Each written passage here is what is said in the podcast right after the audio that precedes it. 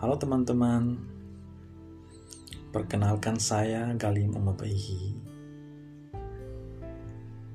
Ini kali kedua saya menggunakan podcast setelah pertama kali saya dan Mira, salah satu teman kuliah saya di Magister Ilmu Komunikasi Atmajaya Yogyakarta, menggunakan podcast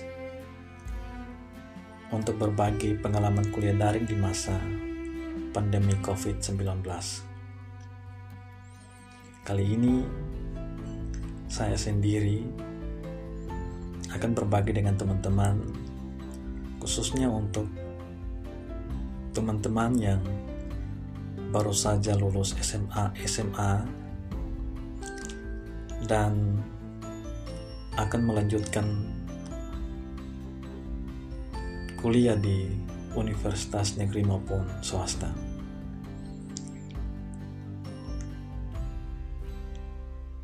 Saya akan berbagi tentang pengalaman saya sejak lulus SMA pada 2010 silam ketika memutuskan untuk melanjutkan kuliah. Waktu itu saya tidak ada gambaran sama sekali tentang jurusan apa yang saya akan saya harus pilih ketika diminta oleh orang tua untuk melanjutkan kuliah. Memang saya juga sejak awal punya keinginan untuk kuliah. Tapi itu hanya sebagai satu pilihan alternatif karena saya sangat berkeinginan untuk mengikuti tes sebagai anggota Polri. Dan kuliah itu menjadi salah satu pilihan alternatif. Saat saya satu sampai dua kali mengikuti tes ketika tidak lulus barulah saya mengikuti kuliah. Tapi orang tua saya terutama ibu saya menginginkan saya harus melanjutkan kuliah sambil menunggu penerimaan tes polisi. Dan saat itu saya tidak punya gambaran sama sekali jurusan apa yang saya pilih. Secara umum jurusan yang saya ketahui hanya hukum, ekonomi, dan khususnya kuliah keguruan. Tapi jurusan itu menurut orang-orang di kampung saya, terutama hukum dan ekonomi, adalah jurusan yang sudah banyak tersebar di penjuru Indonesia atau lulusan hukum dan ekonomi. Karena itu banyak yang harus nganggur karena ruang kerja tidak begitu membadai untuk menerima lulusan dua jurusan itu. Pilihan yang sangat tepat waktu itu mungkin guru karena banyak sekolah yang masih membutuhkan tapi sama sekali saya tidak berkeinginan untuk menjadi guru. Satu-satunya jurusan yang saya terpikirkan adalah informatika. Karena kebetulan waktu itu saya lulusan SMK jurusan teknologi dan jaringan komputer dan saya berkeinginan untuk melanjutkan jurusan saya. Dan dari situ ketika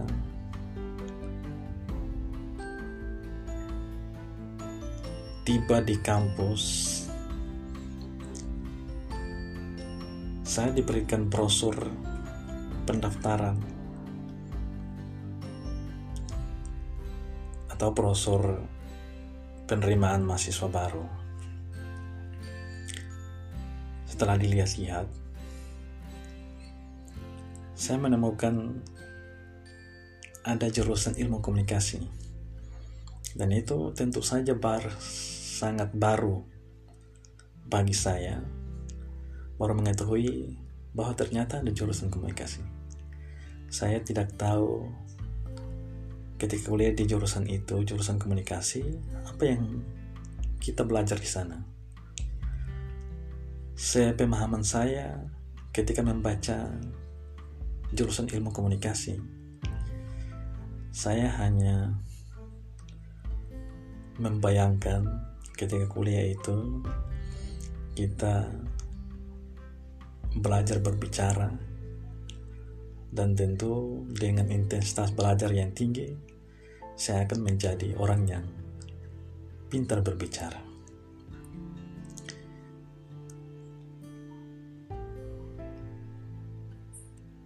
Punya kemampuan berbicara dengan baik itu menjadi sesuatu yang diinginkan orang banyak. Terutama saya yang punya karakter pemalu tidak banyak bercerita. Terutama ketika bercerita di depan orang banyak. Itu yang membuat saya punya keinginan besar untuk merubah diri menjadi orang yang bisa berbicara dengan baik di depan orang banyak. Karena itu, setelah melihat jurusan ilmu komunikasi, saya cukup tertarik. Tapi pilihan saya masih tetap ke informatika. Waktu mendaftar, karena syaratnya memilih jurusan atau pilihan pertama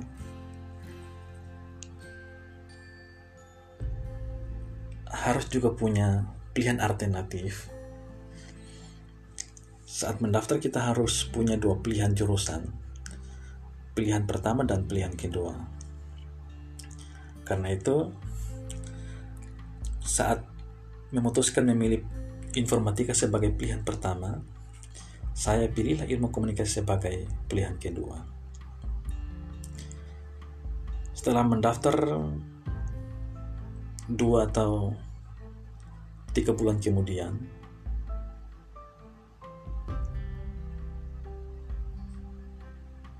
eh nggak sampai, sekitar satu bulan lah.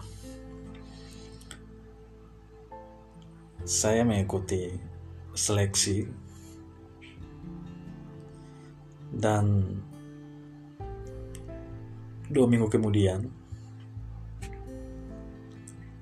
datanglah waktu pengumuman.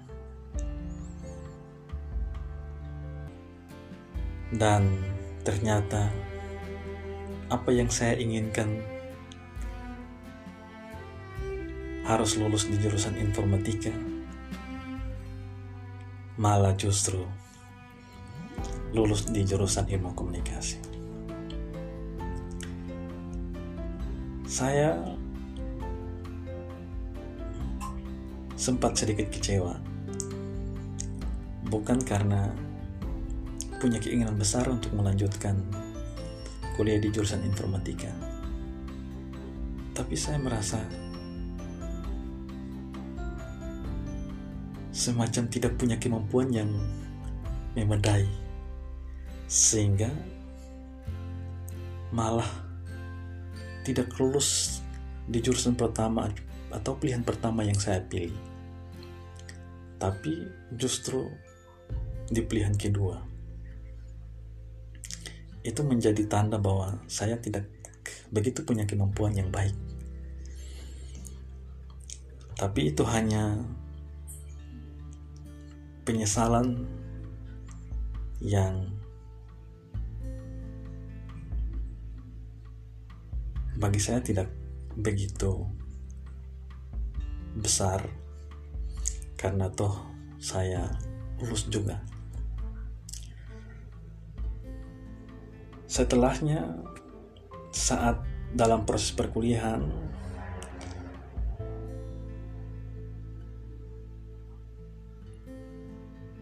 dan ketika mengetahui apa yang kita belajar dalam jurusan ilmu komunikasi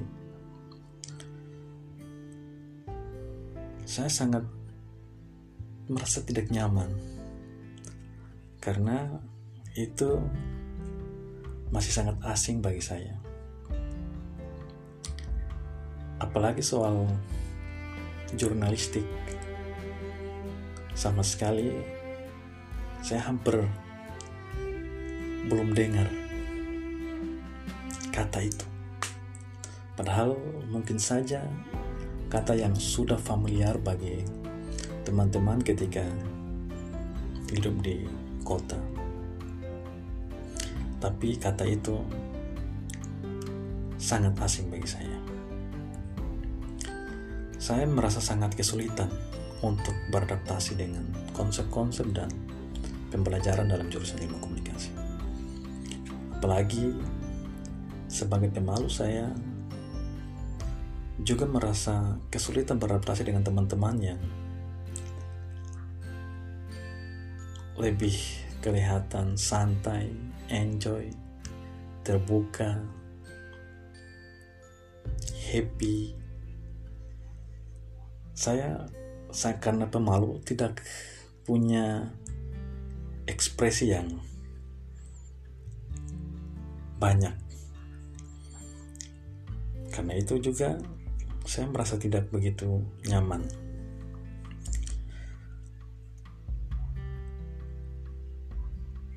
Karena tidak nyaman, saya sempat memikirkan untuk pindah jurusan. Waktu itu sempat terpikirkan pindah di ilmu pemerintahan atau sosiologi. Tapi saya merasa masih ada keraguan karena banyak teman-teman saya yang sedaerah dengan saya itu banyak di jurusan itu. Waktu itu saya memikirkan peluang kerja. Jika banyak orang terutama dari daerah saya, teman-teman dari daerah saya yang kuliah di jurusan itu, mungkin ketika balik selesai kuliah dan balik ke daerah saya harus berkompetisi dengan banyak orang. Karena itu itu menjadi salah satu keraguan lama berselang dari waktu ke waktu hingga 3 sampai 4 semester berlalu saya masih dalam keraguan masih sempat memikirkan untuk pindah. Tapi setelah lima semester, saya makin yakin dan hampir tidak lagi berpikirkan untuk pindah karena saya memikir ketika pindah ke jurusan lain, saya harus lagi melakukan penyesuaian mata kuliah. Dan tentu saya pasti akan berlama-lama akan menjadi lambat untuk menyelesaikan kuliah waktu itu. Karena itu tidak ada lagi pilihan, saya tetap bertahan di ilmu komunikasi. Tapi meski dengan berat hati saya berupaya untuk belajar mendalami apa yang dipelajari di ilmu komunikasi. Saya mulai mencari buku-buku yang berhubungan dengan ilmu komunikasi. Karena waktu itu di Ternate buku ilmu komunikasi belum terlalu banyak kebetulan pada 2013 saya sempat ke Jogja saya belilah buku buku-buku ilmu komunikasi. Satu persatu saya mulai baca. Mulai lebih memahami apa itu ilmu komunikasi. Terutama tentang jurnalistik saya mulai melakukan beradaptasi kon beradaptasi konsep. Bergaul dengan teman-teman yang menyukai dunia jurnalistik. Waktu itu saya belum punya keinginan sama sekali untuk belajar menulis. Tapi karena mungkin itu jalan Tuhan, salah satu keberuntungan bagi saya sambil kuliah saya bergabung dengan komunitas literasi di Ternate yang juga punya program-program pelatihan menulis. Karena itu, dari situ saya berkesempatan mengikuti beberapa kali pelatihan dan di akhir studi saya dan teman-teman membuat satu tabloid namanya tabloid Indonesia. Di situ kita mulai belajar meliput dan menulis berita. Tentu sebelumnya untuk memulai itu kita sudah beberapa kali melakukan pelatihan menggunakan beberapa wartawan senior untuk melatih kita meliput menulis berita hingga menerbitkan dalam bentuk tabloid. Dari situ, selain pengetahuan tentang dunia komunikasi dan jurnalistik yang saya dapat di kampus, dari situ pula saya banyak belajar tentang dunia jurnalistik, terutama keterampilan menulis. Karena waktu di waktu di kampus saya tidak kita tidak terlalu banyak diberikan tugas atau latihan menulis terutama menulis berita karena itu ruang eksternal menjadi salah satu tempat alternatif saya melatih keterampilan menulis. Karena sudah punya keterampilan sedikit keterampilan itu, setelah lulus sekitar setengah tahun saya dipanggil oleh salah satu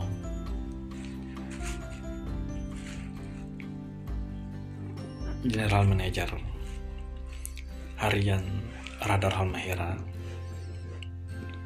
untuk bergabung mengikuti seleksi tes wartawan di medianya. Alhamdulillah saya diterima dan di situlah saya mulai menjadi wartawan profesional. Saya mulai berlatih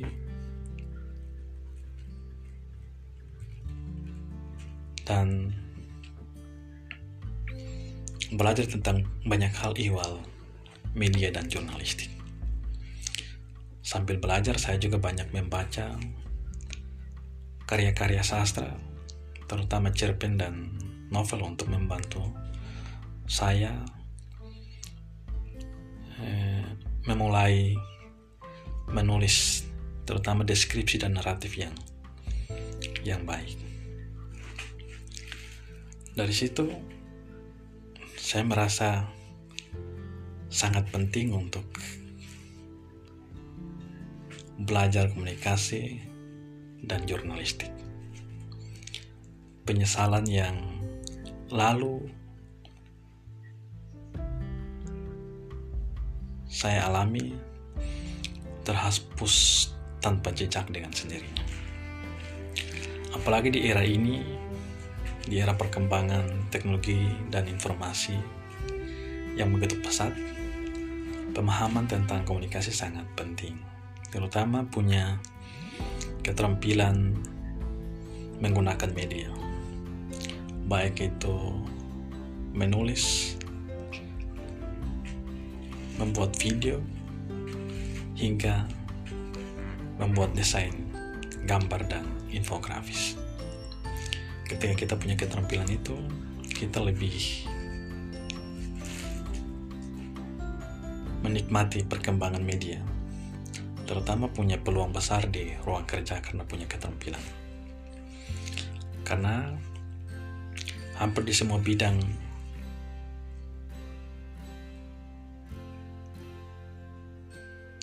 di era ini sangat berhubungan dengan komunikasi terutama perubahan teknologi komunikasi dan informasi. Sampai di situ mengakhiri episode kali ini saya ingin sampaikan ke teman-teman komunikasi pada era ini sangat penting. Tapi satu hal yang perlu saya tekankan ke teman-teman yang saat ini sudah memilih melanjutkan kuliah dan sudah selesai mengikuti seleksi ya. Ketika lulus pada jurusan yang teman-teman tidak suka, bahkan tidak membayangkan sama sekali, jangan pernah sesali, apalagi penyesalan itu terlalu panjang. Kita percaya bahwa Tuhan punya jalan.